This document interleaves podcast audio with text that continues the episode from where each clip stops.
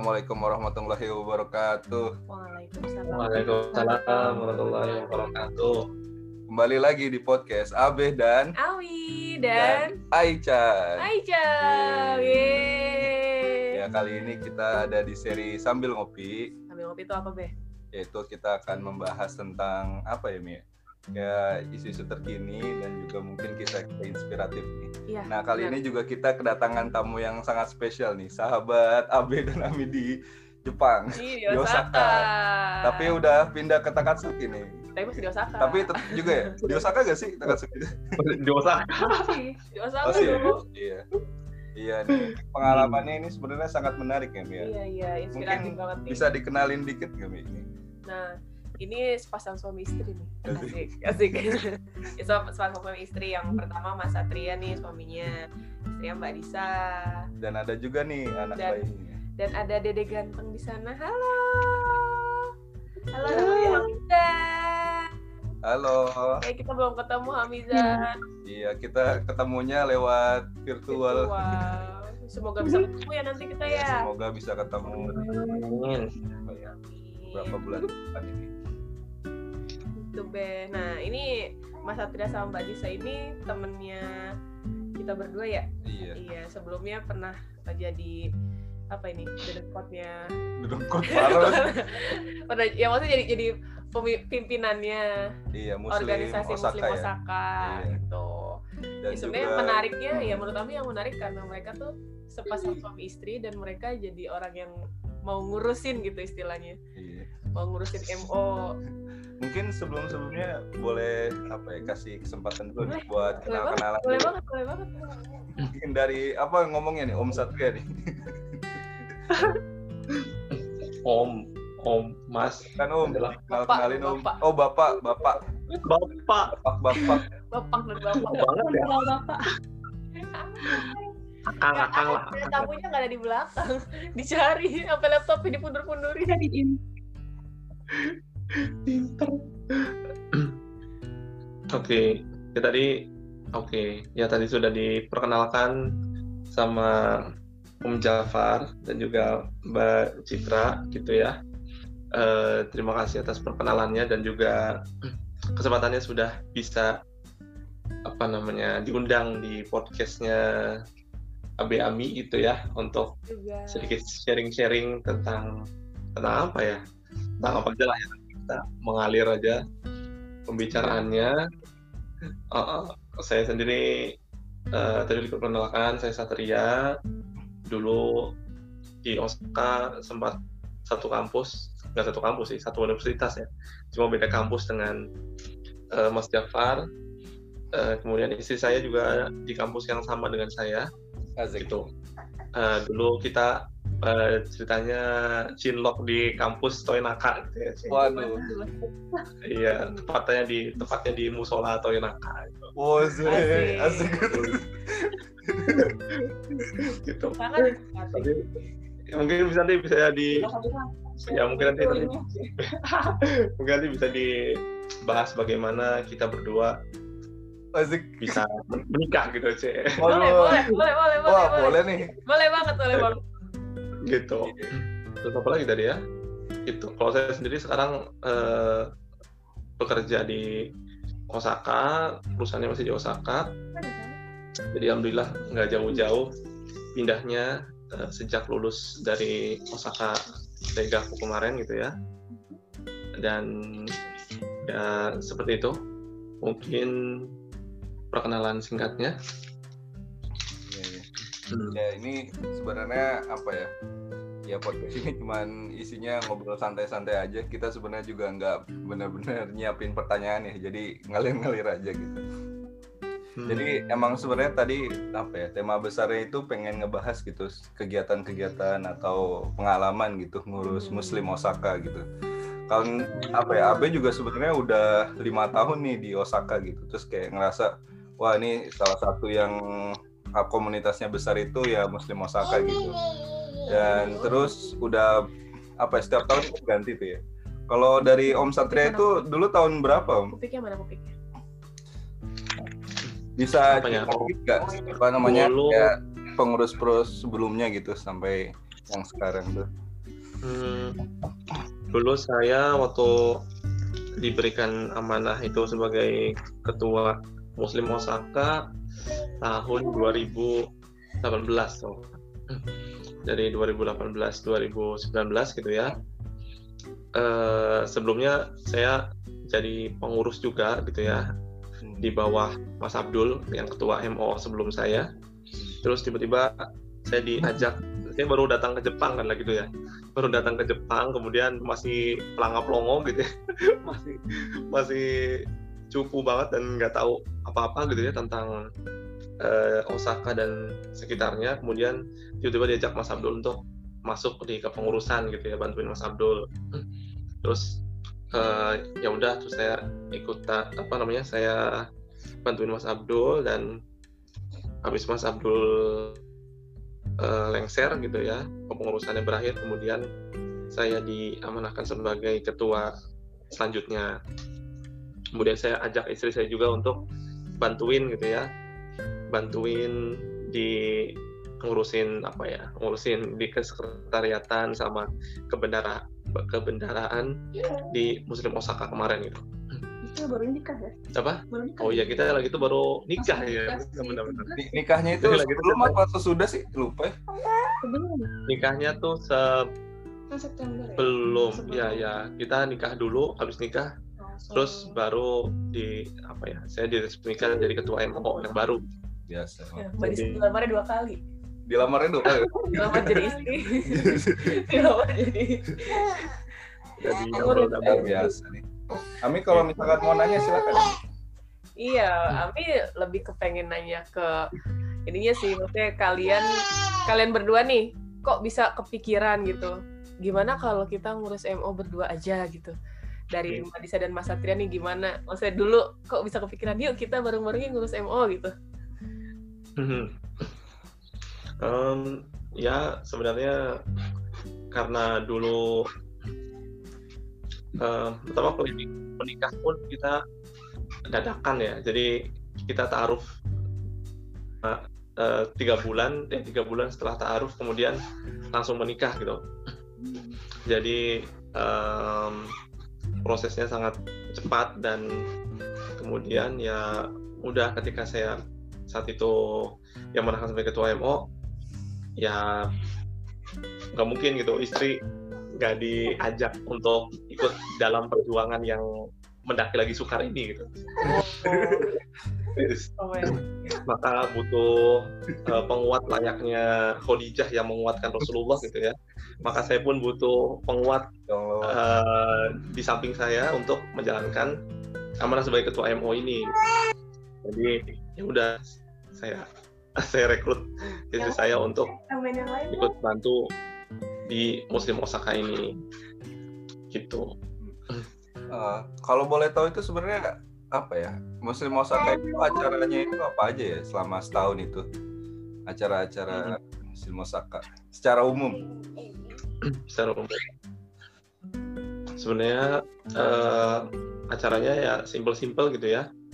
Di Muslim Osaka ini kegiatan utamanya eh, pengajian pengajian rutin setiap bulan kemudian eh, ada juga tausiah tausiah yang ada di eh, grup Muslim gitu ya atau di grup Facebook. Eh, dan juga paling sisanya ngurusin apa ya? Ngurusin zakat seperti bantu kolektifin zakat fitrah dan seterusnya. Eh, jadi kegiatannya sebenarnya nggak terlalu apa ya nggak terlalu kompleks banget dan nggak terlalu banyak aja nggak terlalu banyak banget juga gitu ya. Eh, gitu. Minimal kita ada penyegaran gitulah. Setiap bulannya itu kita bisa kumpul dengan muslim-muslim yang ada di Osaka kemudian bisa sedikit mendengarkan tausiah gitu ya. Eh, apalagi di negeri yang minoritas muslim ini yang kita susah untuk mendapatkan apa ya mendapatkan ilmu agama itu susah gitu jadi adanya pengajian di musim Osaka ini bagaikan oase di padang pasir gitu. di untuk menyegarkan iman-iman yang haus gitu. jadi seperti itu kalau nggak salah tuh apa ya Muslim Osaka itu ada beberapa acara yang spesial mungkin ya. Mungkin kolaborasi gitu ya. Kadang mendatangkan ustadz yang apa ya terkenal dari Indonesia. Iya iya. Kalau uh, ada apa sih namanya? Kayak ada perkumpulan apa aja sih di sekitar musim Osaka itu? Kalau nggak salah kan sering kolaborasi sama yang lain. Hmm, Kalau salah ya, apa ya di Kansai ada kalau nggak salah. ya. KMII Kansai. Hmm. Ya di Osaka sendiri ada banyak komunitas Muslim yang orang Indonesia gitu ya selain Muslim Osaka ini misalkan di teman-teman perawat itu ada IPMI Ikatan Perawat, Ikatan Perawat Muslim Indonesia. Kemudian ada juga eh IPTIJ gitu ya. IPTIJ itu ikatan apa ya pokoknya trainee trainee itulah Eh, ikatan trainee trainee eh, orang-orang Indonesia dan juga ada KMI Kansai keluarga masyarakat Islam Indonesia Kansai yang ada di eh, meliputi area Osaka, Nara, Kobe, kemudian eh, Kyoto dan juga Nara gitu. Dan kita beberapa ka- bukan beberapa kali sih mungkin cuma satu kali kali ya. Ada acara besar tablik akbar gitu. Oh iya dengan sebenarnya acaranya acara utamanya KMI Kansai terus kemudian KMI Kansai eh, apa namanya em, mengajak komunitas-komunitas muslim yang lain untuk bergabung di acara tablik akbar ini untuk jadi kepanitiaan dan seterusnya gitu ya. Zaman kemarin zamannya saya itu siapa ya ustadznya saya lupa. Ustadz Sa- bukan Ustadz Salim Ustadz Adi Hidayat. Adi Hidayat. Adi Oh Adi Dayat juga ya iya iya. Oh, iya ya kayaknya waktu hmm, waktu saya jadi ketua IMO itu mengundang Ustadz Adi Hidayat. Gitu. Alhamdulillah dan sangat membludak gitu ya ini. ya. Ya itu biasanya kalau nggak salah ta- tablik akbarnya itu pas Golden Week ya, pas liburan bulan Mei itu ya. Ya betul. Biasanya diadain setiap Golden Week pas libur panjang itu. Eh, tapi sejak dua tahun ini berarti ya.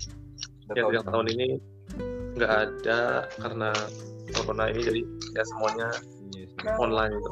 Dan kebetulan sebenarnya saya juga sekarang ini eh, diamanahin jadi bendaharanya KMI Kansai gitu. Oh iya. Karena KMI Kansai baru ganti kepengurusan Oktober, yang. Hmm. Oktober, Oktober kemarin kalau salah. Terus eh, sekarang jadi bendahara, bendaharanya ada Mas Andre, udah Andre, udah Andre itu jadi eh saya jadi sekretaris, udah Andre jadi bendaharanya. Kemudian ada ketuanya Ali, Ali jadi ketua KMI Kansai sekarang. Hmm. gitu Luar biasa. Kalau di apa yang orang-orang kerja itu ada ini nggak sih komunitas muslimnya? kalau di perusahaan saya sendiri ada gitu tapi perusahaan saya doang kalau Oh iya. iya. kayak pekerja-pekerja yang ada di Osaka kayaknya saya belum nemu ya kecuali tadi kayak perawat itu kayak spesifik eh, perawat doang gitu ya. ya jadi eh, yang saya lihat sih kalau dari segi para pekerja itu komunitasnya ada di setiap perusahaan-perusahaan masing-masing. Kayak di Daihatsu itu ada banyak muslimnya di sana eh, dan mereka juga kat- katanya rutin ada pengajian gitu. Di kita juga ada namanya Tori Muslim Habis. gitu. Ada apa namanya grupnya Tori Muslim dan alhamdulillah rutin pengajian juga mulai diadakan lagi se- se- semenjak kemarin itu corona eh, sempat stop gitu ya dan Iya. dari udah dua pertemuan baru diadakan lagi semenjak saya masuk ke sini Torishima alhamdulillah itu Berarti enak juga ya kalau misalkan di perusahaannya ada komunitas muslim minimal Hmm. apa ya? Ya bisa kumpul-kumpul gitu. Hmm. benar-benar Nah, Terus juga kalau nggak salah itu di MO itu apa ya? Pas uh, Ramadan ya. Kalau nggak salah ini ya apa namanya pengajian itu jadi lebih banyak kalau nggak salah. Dan Hmm, iya minggu. sama Frekuensi. ini juga ya, yang diundang kalau nggak salah agak spesial juga gitu. Kayak Ustadz dari Indonesia juga yang didatengin. hmm, Boleh cerita sedikit gitu? iya iya kalau Ramadan juga kita dulu di musim Osaka pengajiannya jadi lebih rutin seminggu sekali gitu kan yang biasanya sebulan sekali jadi uh, seminggu sekali kemudian kita kadang-kadang dapat ini juga limpahan ustadz gitu jadi ada ustadz yang setiap setiap bulan Ramadan itu ada ustadz misalkan dari PKPU dari dompet duafa yang ngirimin ustadz-ustadz ke luar negeri gitu. Orang banyak ya. Salah satunya ke Jepang. Terus jadi mereka biasanya keliling-keliling dan kita bisa mengundang sekalian mereka untuk mampir ke Osaka gitu buat ngisi pengajian gitu. Jadi Ustadz itu datang itu nggak cuma ke Osaka doang ya. Soalnya mikirnya kayak ke Osaka doang terus dia pulang lagi gitu. Ternyata dia safari gitu ya. Oh, saya. ya. Iya iya iya. Wah. Oke oke Hmm. oke. Ya pokoknya tadi mau nanya kalau eh kalau nyari rekomendasi Ustadz tuh gimana gitu. Oh ternyata Ustadznya muter ya. Oh. Ya kalau tuh. kalau Satria itu gimana dulu apa namanya nyari ustadz yang buat ngisi pengajian itu gimana tuh? Mungkin juga itu bisa di apa ya? bisa jadi rekomendasi buat Bisa. kami juga nanti. Ya enggak maksudnya buat pengurus-pengurus Iya buat pengurus lanjutnya juga. lanjutnya gitu. Enggak enggak enggak bukan bukan calon jadi pengurus bukan. Kali aja dengerin. Kalau dulu hmm, dulu kebetulan waktu di Osaka masih ada ini ya, masih ada Ustadz Ibrahim.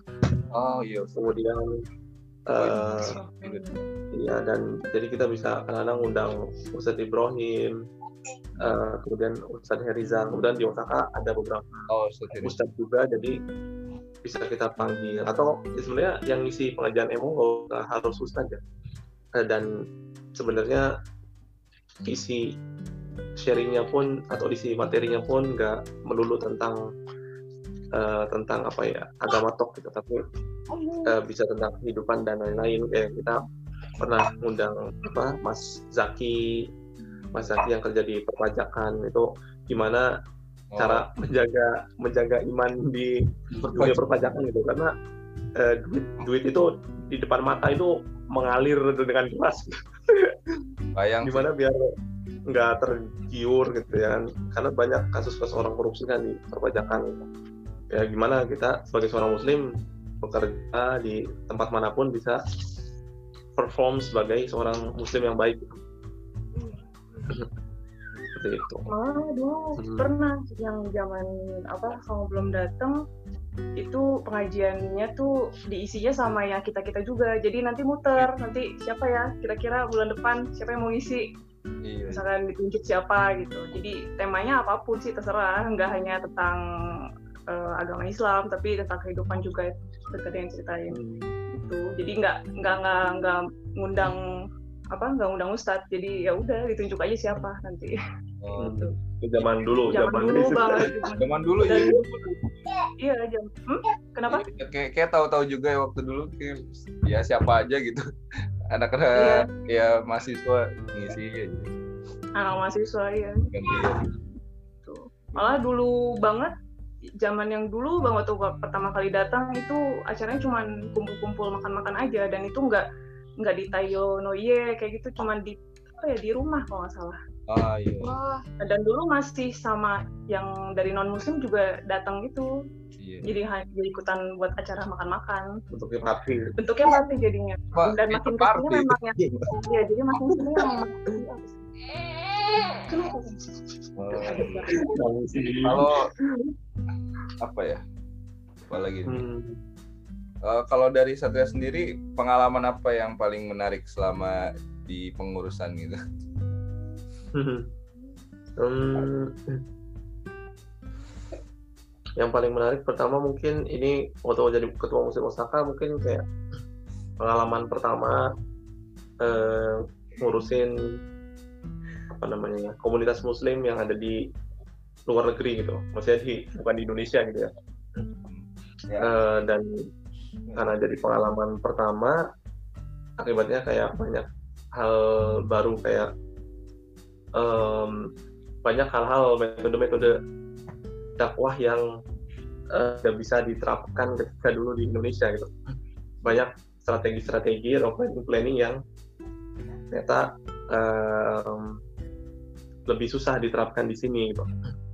Uh, karena lebih beragam, misalkan komunitas apa muslim-muslimnya lebih beragam, kemudian uh, dari segi tempat pun mungkin tidak semudah di Indonesia mudah terjangkau gitu ya. Di sini mungkin pengajian kita butuh naik bus satu jam 40 menit gitu untuk sampai ke tempat pengajian dan lain-lain jadi ya. Lebih banyak uh, tantangannya untuk uh, apa namanya ya untuk bisa istiqomah uh, ngurusin hal-hal yang seperti itu gitu.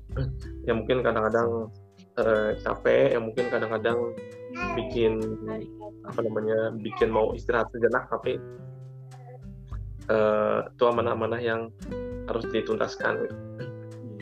jadi ya mungkin itu menariknya karena pengalaman pertama buat urusin apa namanya ya organisasi muslim yang ada di Jepang. Gitu oh dari Mbak Disa aja Mbak. Ayo. Ayo. Ya? Kalau kalau saya sih nggak bisa membandingin sama gimana ya? Karena ya baru pertama juga ngurusin apa organisasi itu di di sini gitu di Jepang. Dan ya alhamdulillah apa ya rasa mudah aja sih ya. Karena orang-orangnya juga enak gitu. Terus dulu iya saya soal minta tolong untuk minta tolong untuk kan harus ke ibu-ibu ya. Ya ambilnya juga ibunya juga pada baik-baik gitu pada pada mau gitu nyumbang buat masak. Gitu aja sih Iya, iya. Iya, salah satu yang Ami seneng kalau kumpul-kumpul emo itu makan bersama. iya makan makannya ya dari mulai nyiapinnya ya kita Beberapa hari sebelum ya, Mbak Disa udah kontak-kontak nih ibu-ibunya. Iya nggak sih? biasanya kalau ngontak buat masak itu eh, mungkin dua minggu jadi waktu dari awal dari awal pengurusan nih udah di ini sih udah disebar formnya gitu jadi siapa yang mau masak udah ada tuh jadi dari dari awal mau mau apa eh, dari awal kepengurusan udah ada data-datanya siapa yang mau masak dan biasanya ada yang kosong kan ya ada yang oh bagian menu utama nih belum ada yang ngisi nih. Nah itu kayak mulai eh, gerilya ke ibu-ibu. Minta tolong. Bahkan ada yang sampai berkali-kali saya tolong mereka juga masih mau gitu. Masya allah banget. Iya baik-baik banget iya biasanya kalau apa ya? Apa namanya? Kalau muslim Osaka itu kan ya lebih banyak yang keluarga juga yang berpartisipasi ya. jadi makanannya biasanya mantep-mantep. Iya benar. Hmm. jadi apalagi? sarana menghemat. Cara ya lumayan bulan sekali ya makan enak iya makan mewah. Ini apa ya tahun ini kagak ada kumpul-kumpul sama sekali aduh Iya. kerasa beda banget. Mm-mm. biasanya MO tiap bulan ya. Juga Tahun kan kagak ada sama sekali ya. Kan mungkin sampai tahun depan juga ya? Sampai tahun depan mungkin. Larang kumpul-kumpul. Mm-mm. ya, ya jadi banyak. Tapi ya banyak hikmahnya gitu ya dari covid ini kayak dulu mungkin kita susah buat ngikutin kajian ustadz-ustadz yang terkenal sekarang kayak zoom di mana-mana kayak kayak zoom ya. misalkan eh, karena misalkan saya sekarang masuk grup KMI Jepang gitu. kayak setiap minggu tuh ada tiga tiga empat acara pengajian di hari yang sama gitu jadi bingung malah nih nih kamu milih ikut pengajian yang mana ya di Kanazawa ada pengajian di wilayah-wilayah lain ada pengajian Kalau jadi lebih jadi jadi Iya. lebih eh, gampang luas. kita bisa ya lebih enak cuman gimana ya di rumah doang. kumpul-kumpulnya sih ya. Kumpul-kumpul kurang ya. ya, yang kurang Bisa Ya, ngobrol-ngobrolnya. Kangen. Itu yang tidak bisa tergantikan. Oh iya du- dulu itu kalau nggak salah saat dia pengurus apa sih namanya tuh yang mahasiswa internasional juga ya muslim gitu. Oma. Oh iya Oh. Oh gitu. Iya. kalau dari Oma sendiri itu sebenarnya ap- apa sih yang yang membedakan gitu sama MO oh, selain isinya. ya pasti orangnya beda lah internasional gitu cuman apa ya, kalau dari lihat itu atmosfernya seperti apa Hmm. kan itu kan orangnya beda-beda gitu Hmm. dari MO yang Ya kalau di orang Indonesia Hmm. Ya dulu di uh, Osaka Muslim Association dulu sempat dia marahin jadi bendahara. Terusnya yang membedakan apa ya mungkin Oma itu kan uh, khusus pelajar ya, kayak komunitas Muslim yang ada di Osaka University. Gitu. Jadi kamp- kampusnya ya spesifik Osaka Daigaku dan pelajar walaupun ada keluarga juga misalnya istri atau apa yang masuk grup eh, OMA yang bisa ikut berpartisipasi dalam kegiatan-kegiatan eh, OMA gitu. Tapi eh, sedangkan MO itu kan lebih ke Muslim Indonesia yang ada di Osaka gitu. Itu tidak terbatas. Sebenarnya tidak, tidak terbatas mahasiswa, ada pelajar, ada ibu rumah tangga dan semuanya. Tapi karena basic apa namanya base kegiatannya itu ada di dekat kampus gitu kan antara di dekat kampus Toyonaka atau di dekat kampus Suita akibatnya ya mungkin mayoritas yang hadir adalah orang-orang eh, pelajar. Dan di OMA sendiri mungkin dari segi kegiatannya kalau tadi MO kebanyakan pengajian acara kekeluargaan. Kalau OMA lebih ke, ke pertama sebenarnya eh, apa ya em, membangun afiliasi dengan kampus gitu. Gimana biar kampus Osaka Dagaku ini care terhadap muslim. Menyediakan tempat sholat menyediakan makanan halal gitu kan. Dan lain-lain. Itu semua hasil dari apa namanya jerih payahnya om oma oma oma terdahulu gitu. Yang dia mereka propose buat makanan halal di kantin kemudian eh, propose buat ngebuka musola gitu kan. Eh, dan alhamdulillah sekarang di Suita dan Toyonaka kita udah punya musola bisa apa namanya, ber- iya Toyonaka baru kan itu baru apa baru dibuka iya tuh. Kata Brother Muwin sampai berapa tahun gitu. Eh, eh, perjuangan ini ya perjuangan lobby ke kampusnya. Sampai sampai musola yang di Toyonaka itu dibuka itu eh, dari udah lama banget gitu. Dan baru eh, baru diresmi baru apa ya, baru dibuka alhamdulillahnya pas saya baru datang gitu. Jadi saya tidak merasakan penderitaan mereka. Iya biasanya itu di International House kalau nggak salah ya di lobbynya kan? Iya, biasa. ya kalau soal Jumat. Terus tiba-tiba udah berubah gitu kan? Ya nggak tiba-tiba Hmm. juga sih kayak oh udah itu oh ya ya dulu di iHost ya. hmm, sholat Jumat di situ juga jadi nggak apa ya? Hmm. soal Jumat di situ. Ya, bukan tempat khusus lah itu kayak lobby aja gitu Hmm, gitu. Jadi ya alhamdulillah. Hmm. banget sih sebenarnya ada ada apa namanya ada oma ini dan mungkin culture-nya karena terdiri dari berbagai macam apa namanya negara yang muslim-muslim ada dari Mesir dari Bangladesh dari Pakistan dari segala macam. Eh, ya culture komunikasinya pun mungkin eh, berbeda gitu. Mungkin ada yang keras kayak orang-orang Mesir itu kan cenderung mereka lebih frontal dan lebih eh, keras gitu dari segi mengemukakan pendapat gitu ya. Kalau kita kan orangnya orang pelan-pelan gitu, gak enakan, takut tersinggung gitu ya. Kalau mereka kan nggak mikirin takut tersinggung atau enggak. Ajar. gitu. Tapi ya Iya, iya. emang begitu gitu jadi kadang-kadang kita perlu memahami ya sebenarnya jadi apa ya jadi belajar ini juga sih jadi belajar eh, memahami karakter dari setiap negara. Oh ternyata kalau sama orang Mesir kayak gini dan mereka kalau ngomongnya seperti itu bukan berarti lagi marah gitu. Tapi emang karakternya seperti itu. Jadi eh, emang jadi menyesuaikan dengan apa namanya dengan siapa kita berbicara. Iya ngerti sih Hmm. kayak apa namanya kayak juga dulu berhadapan ya paham lah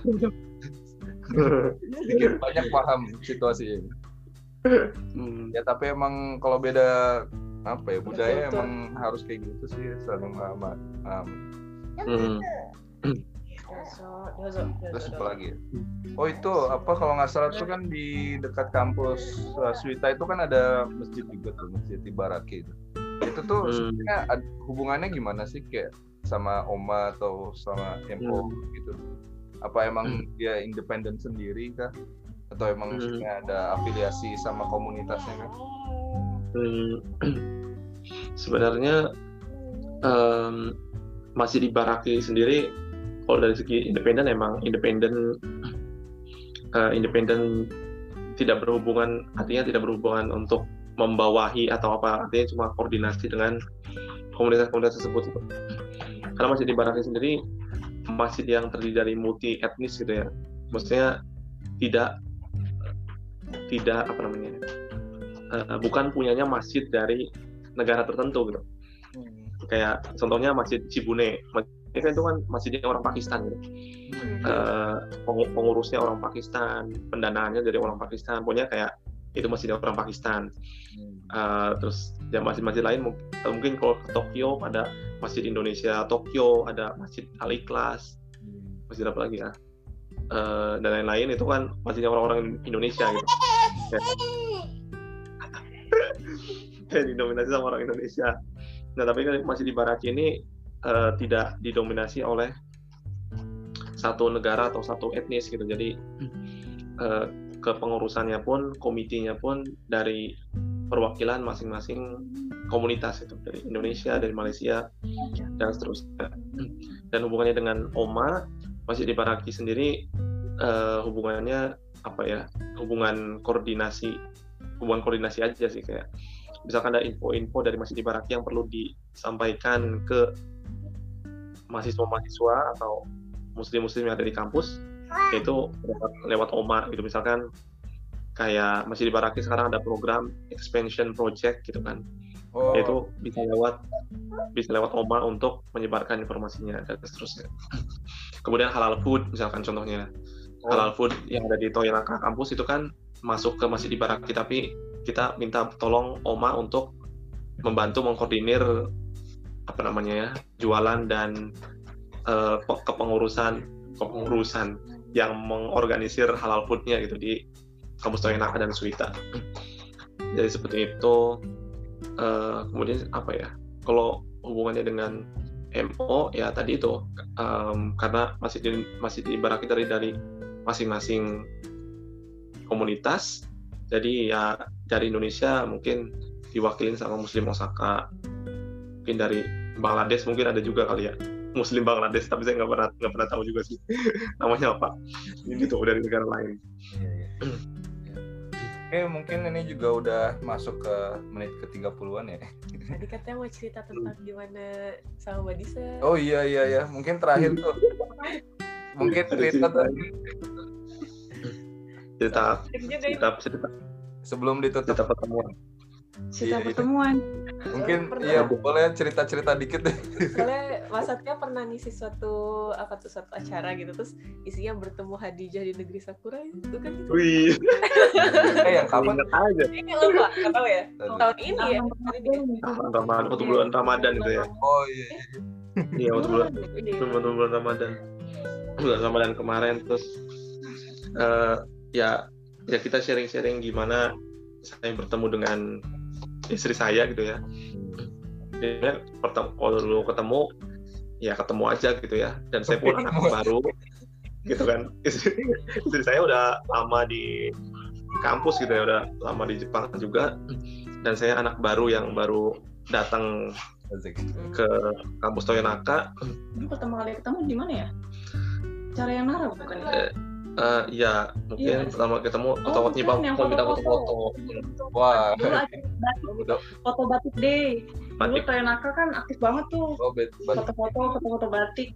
batik Iya, day terus tiba-tiba muncul yang anak baru sama Mas Dika ya. Eh, anak baru siapa yang baru Siapa nih orang baru? Ya udah biasa aja. Oh, biasa aja ya? Biasa Belum. aja. aja. belum ada rasa, belum ada rasa. Belum ada. gitu. Terus mungkin em, kisahnya pas eh, bulan Ramadan kali ya. Bulan Ramadan lagi itu saya mimpi eh, kebetulan mimpi menikah dengan bukan mimpi menikah sih ya. Mimpi ada yang menyebarkan surat undangan atau mungkin saya yang menyebarkan surat undangan yang di situ tertulis nama istri saya gitu. Oh iya seriusan. gitu. Iya gitu. Waktu waktu bulan Ramadan ya waktu bulan Ramadan saat bulan Ramadan lah. Sama istrinya di undangannya, wow. iya terus lagi itu ya saya nggak ada rasa apa apa juga. Ya mungkin iya rasa ya dikit lah. Tapi udah nggak ada nggak ada niatan untuk kayak mau nikah atau apa itu nggak ada gitu. Terus saya mimpi saat itu terus ya saya ignore aja itu kayak ya mungkin mimpi-mimpi bohongan gitu. Terus saya- saya nggak anggap serius tapi saat pas Idul Fitri Idul Fitri saat itu ada eh, orang Mesir gitu ya yang jadi guru tafsir yang suka ngisi apa yang suka ngasih kelas tafsir di Toinaka. Kebetulan saya sama istri saya juga sering ikutan gitu. Namanya Brother Amr.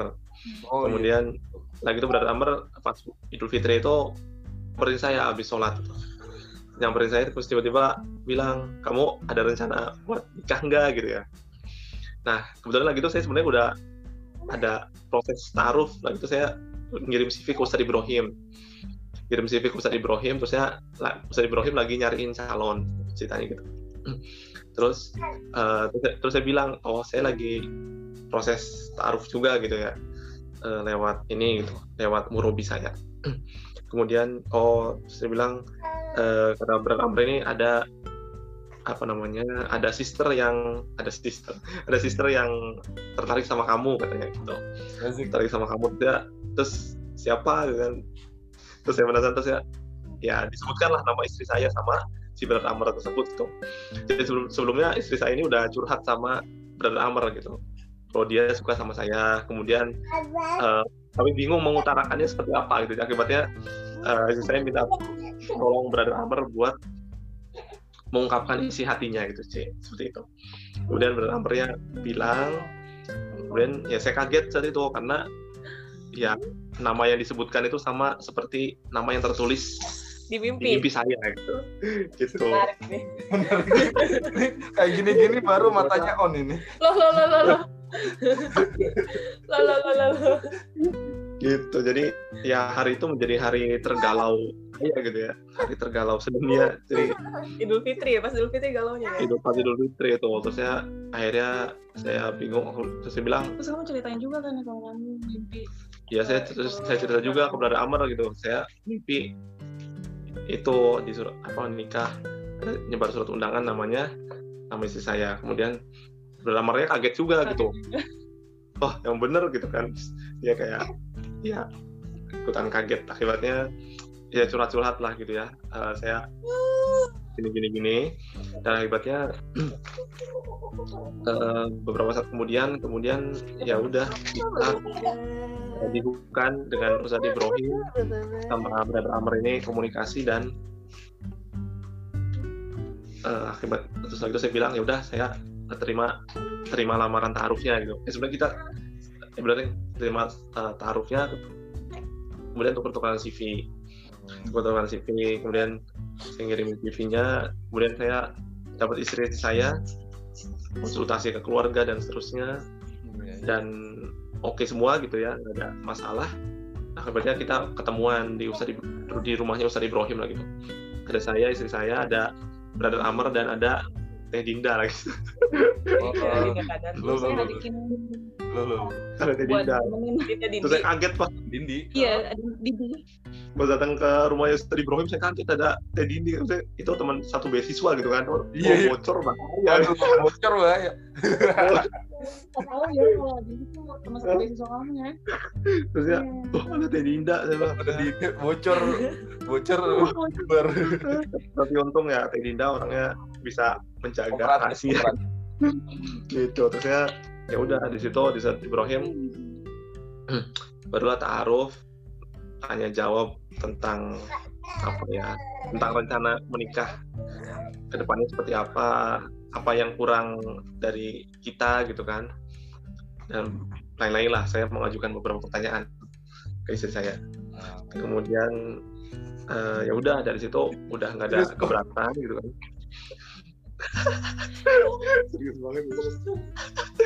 udah gitu ya saya nanya kan sama istri saya kalau saya masih nggak ada kerjaan gitu kan. Eh, nggak ada kerjaan di Indonesia juga nggak ada kerjaan. Terus habis lulus juga nggak jelas mau mau ke mana gitu ya. Entah mau S3 atau mau kerja dan belum tentu dapat pekerjaan juga. Dia dari segi duniawi akhirat juga sama sih ya. Belum jelas gitu ke depannya seperti apa Nah, terus ya udah katanya. Terus istri saya nggak masalah dengan keadaan saya yang seperti itu dan udah sejak saya itu deal gitu ya deal untuk menikah dan di, saya tuh netapin eh Langsung kita tanggal, kita langsung gitu netapin ya. tanggal gitu. Ya udah 15 September ya gitu. Langsung Ini terus malam malam malam harinya saya telepon orang tua telepon orang tua habis taruh kemudian ya udah tadi nikahnya 15 September akhirnya keluarga pada panik semua gitu. Iya, kalau nggak salah dulu pernah ketemu di ini ya di Di Swita Onohara. Onohara ya. di Onohara pas Ada kita ini. baru nikah ha-ha. Oh iya. terus kan waktu itu apa Ayu Enggak sering ada ngumpul-ngumpul Badar Amar di Iya. di lantai tiga Onohara. terus dia bikin takoyaki Bikin tapi takoyaki. Ayu Oh, Mbak Disa iya, iya, iya. Iya, Itu pas tuh. ada ada yang ada yang bisa Mbak Disa mau nikah Mbak Disa mau nikah oh iya udah sekarang sih? baru Oh. ya Oh, iya, iya. Waktu itu nanya Satria, Sat siapa Sat? Katanya, wah ntar, ntar aja. tapi ada bisik-bisik dari Masih itu dirahasiakan. itu Mbak Disa mau nikah gitu kan waktu itu Aduh. bikin takoyaki bareng Mbak Disa ingat nggak Mbak deket-deket Iya, iya, iya. iya tapi nggak iya tahu kan, mau dulu nikah Yang mau nikah kita, Aku udah tahu. apa udah tahu? pas orang-orang pada Nggak, tahu, sholat tahu. ya pas orang pada sholat terus Ayu kan lagi nggak sholat waktu itu hmm. Iya, iya. Sama aku juga lagi nggak salah kan iya lagi kita ngobrol sholat, ada yang bisik-bisikin itu Mbak Disa mau nikah gitu oh iya iya Dan kalau AB sendiri belum tahu sih waktu itu. Masih misteri, masih mendalami agen-agen kok nggak nemu Nggak, siapa. Ayu juga waktu itu nggak tahu siapa Disa mau nikahnya sama siapa gitu Iya, bukan. tapi Abe udah tahu kalau Mas Satria mau nikah cuma Iya, Abe belum, tahu tahu. mau nikahnya sama siapa Iya. jadi kita sama-sama tahu maksudnya Mbak Disa mau nikah terus Abe tahu Mas Satria mau nikah atau mereka mau nikah Tapi sama nggak keling. Tapi nggak, iya nggak kali. Iya, iya, iya. Ya, seperti itulah. Dan akhirnya ya udah menikah dan eh, tiga bulan kemudian kemudian menikah dan eh, ya udah deh. Ya udah deh. ya udah deh apa? Ya udah deh. Akhirnya berumah tangga. Apal berlayar. sampai punya anak mau apa? Gitu. kau mau nikah juga? Ya udah deh Om, ini udah ma- maghrib juga nih. Eh, mungkin Aduh. sebelum ditutup ada apa ya kalimat penutup gitu tentang apa nih? Ya tentang kehidupan apa MO eh, Muslim di Osaka atau MO dan Hmm, apa ya mungkin Waduh, Oh, oh, oh, mungkin pesan-pesannya ini untuk kita yang apa ya kalau kita kita yang tinggal di negara minoritas muslim seperti ini gitu ya intinya eh, perbanyaklah silaturahim dengan saudara-saudara seiman kita gitu karena kita ini udah udah tinggal di negara minoritas muslim muslimnya dikit ya masa iya kita mau menjauh dari komunitas muslim gitu. Itu makin makin terpencil gitu ya. Eh, akibatnya eh, kalau misalkan teman-teman atau siapa pun yang dengar gitu ya eh, ketika teman-teman ingin tinggal atau studi atau bekerja di negara yang minoritas muslim maka pesan saya pertama adalah eh, carilah komunitas muslim di daerah tersebut gitu. Di tempat teman-teman tinggal carilah eh, itu yang pertama kali dicari. Dan karena dengan kita punya eh, saudara-saudara yang seiman itu menjadi salah satu jalan juga untuk menjaga keimanan kita gitu. karena ya banyak godaan banyak eh, cobaan. Eh, kalau misalkan kita nggak punya teman-teman yang eh, mengingatkan kita nggak punya atmosfer yang bisa menjaga ruhiyah kita maka ya sedikit-sedikit sedikit demi sedikit kita bisa terlena gitu ya dengan keadaan duniawi ini gitu dan dan kita pun sedikit demi sedikit terjerumus ke dalam kemaksiatan. Jadi mungkin itu apa namanya pesan terakhir pesan pesan-pesannya untuk sem- para pendengar semua semoga bermanfaat Ya, terima kasih banyak ini nih atas Hmm. waktunya di Sama-sama. di- apa ya, tahun baru. Ya semoga Hmm. pada sehat-sehat di sana. amin Pada sehat. Mi, mau salam penutup gak? Jadi Amin. depan Buat kalian semoga selalu sakinah mawadah warohmah. amin sama Ya semoga nih kita, dengar kita Kamu bisa ketemu ya, iya semoga kita ketemu nih ntar sampai bulan Februari. kabar-kabarin ya Februari ya. Iya. Ya udah mungkin ditutup dulu ya. Ya, Hmm. ya bye. Terima kasih.